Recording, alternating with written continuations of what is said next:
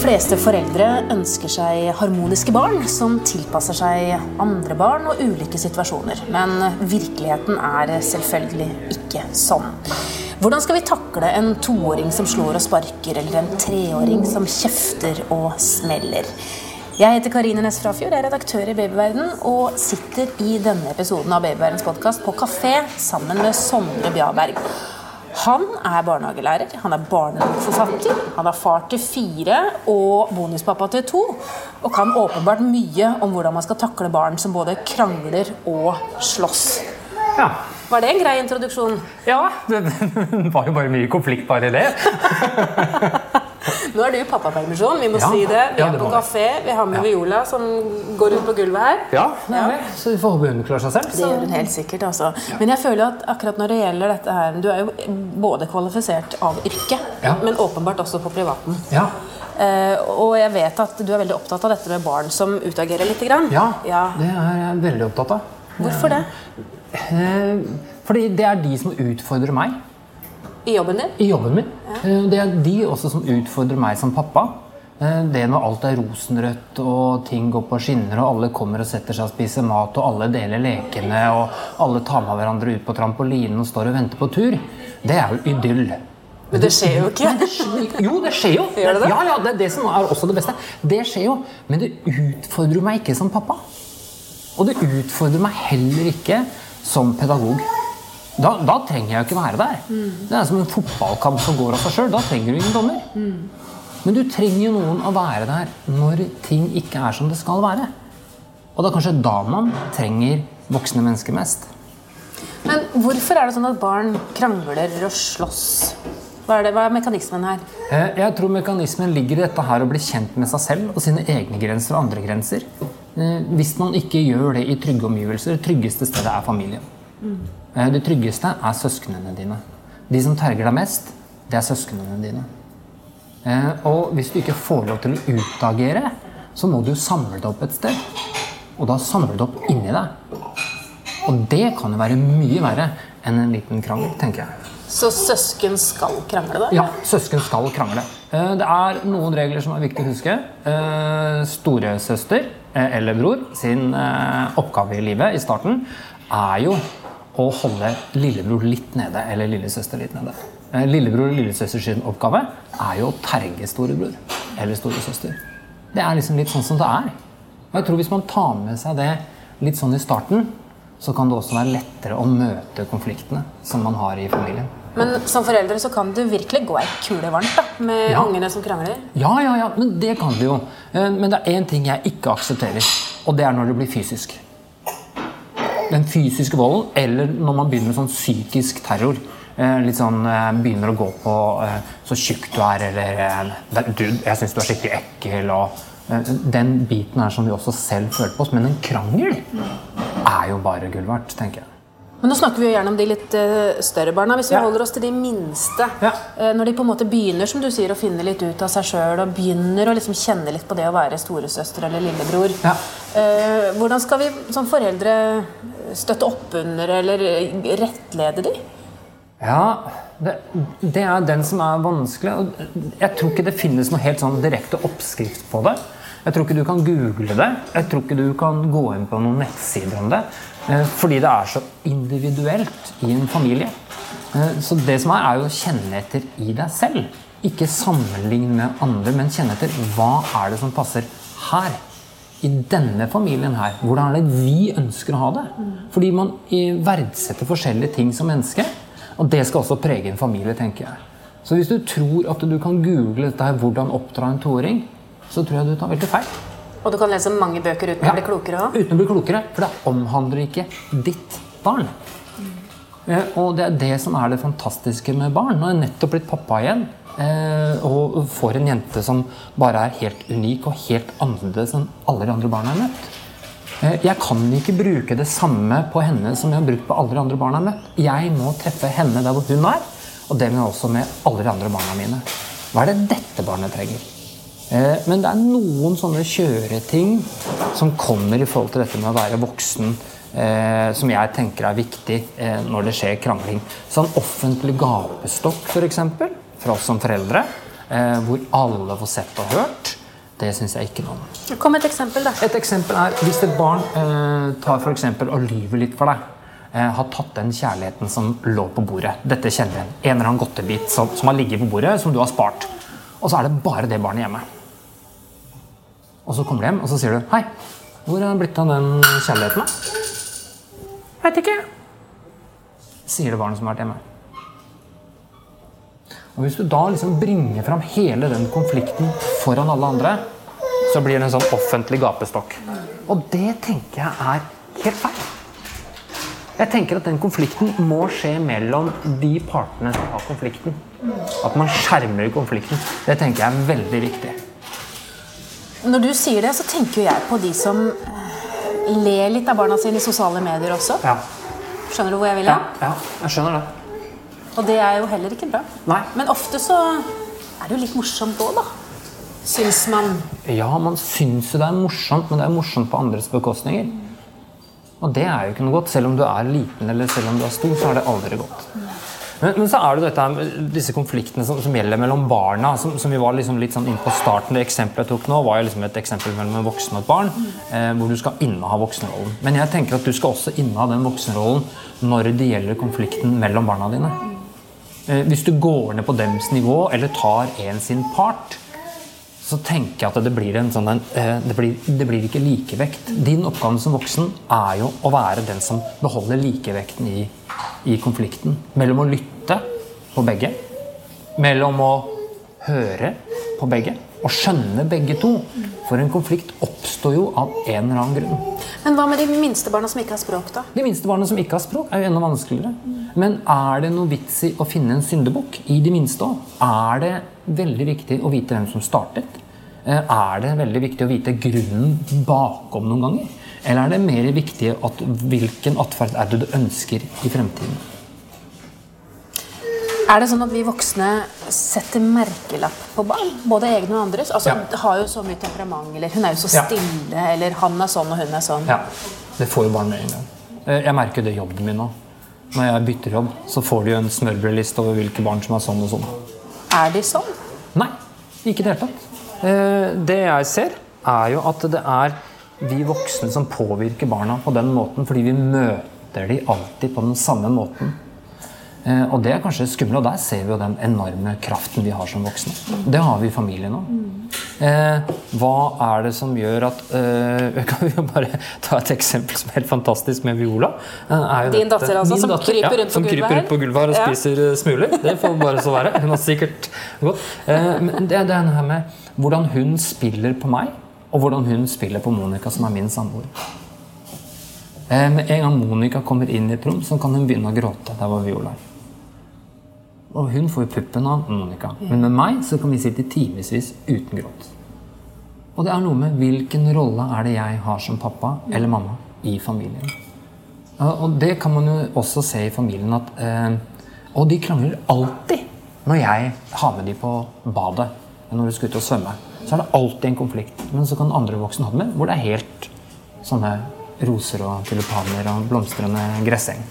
Så, så det er liksom den måten du og jeg er på som voksen, som sier mye om hvor stor og hvor mye konflikter det er blant barn.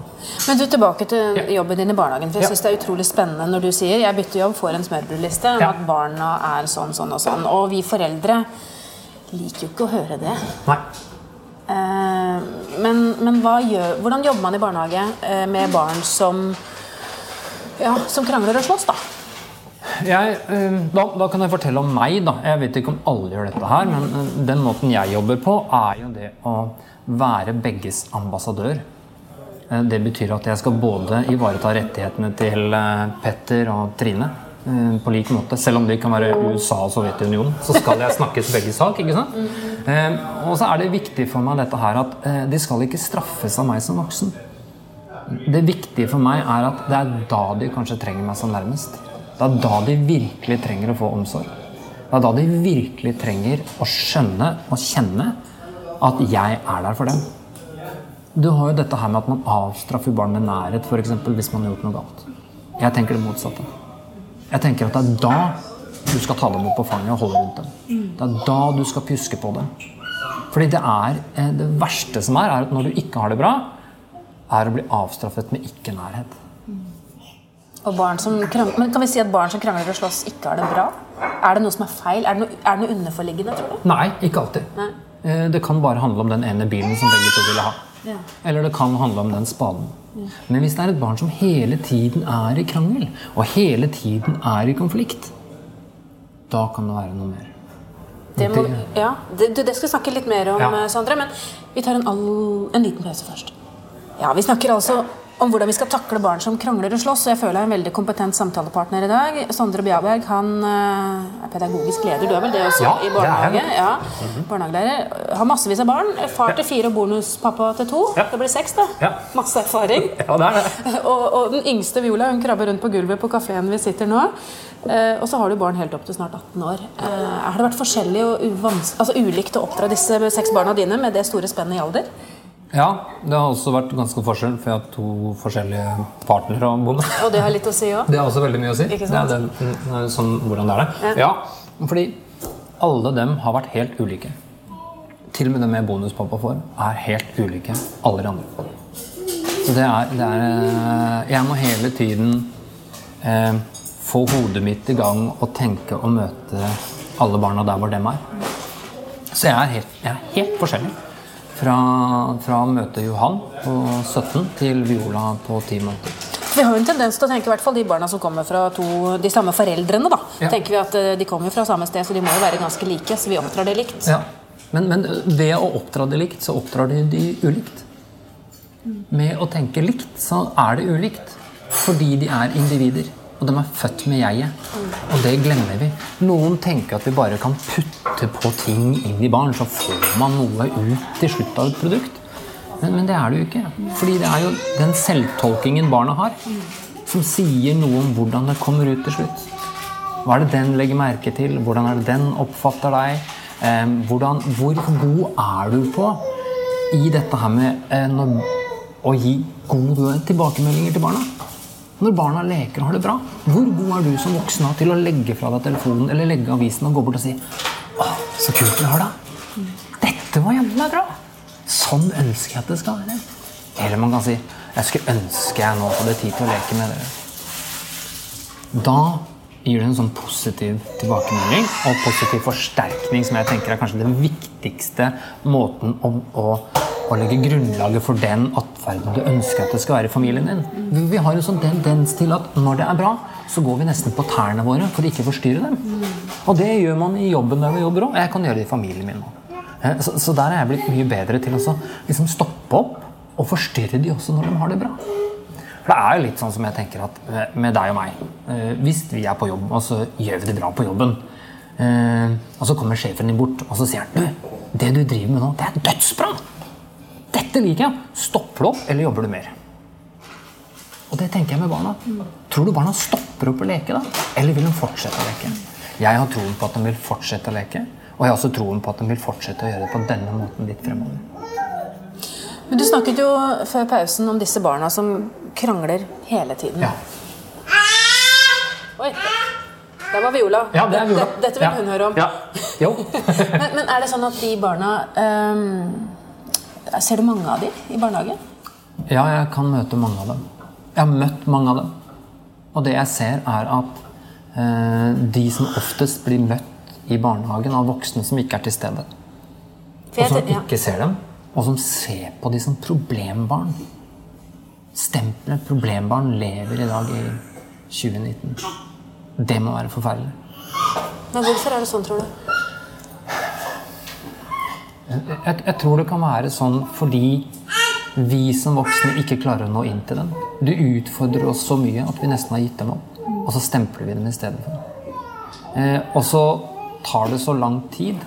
Og tid har vi så dårlig av, mener vi. Men jeg mener at vi har mye tid. Og jeg mener at den tiden er viktig å investere i.